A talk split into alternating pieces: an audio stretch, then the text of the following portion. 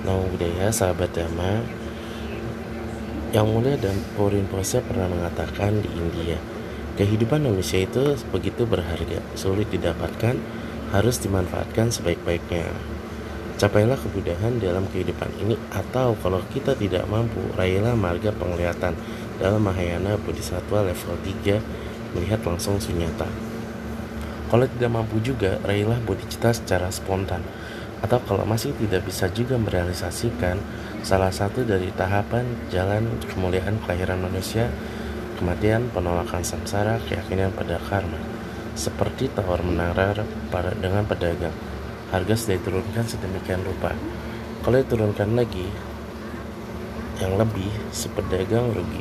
Demikian juga kalau kita tidak mampu meraih bahkan realisasi dari satu tahapan jalan maka kelahiran manusia ini juga sama-sama sia-sia. Rinpoche mengajarkan dalam belajar dhamma, tahapannya adalah belajar, merenung, dan meditasi.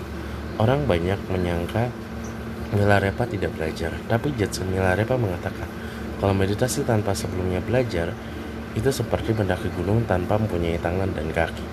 Jadi intinya kita harus belajar dulu baru kita praktikkan dan meditasikan. Itu yang paling penting poin kali ini. Terima kasih. Namo Buddhaya.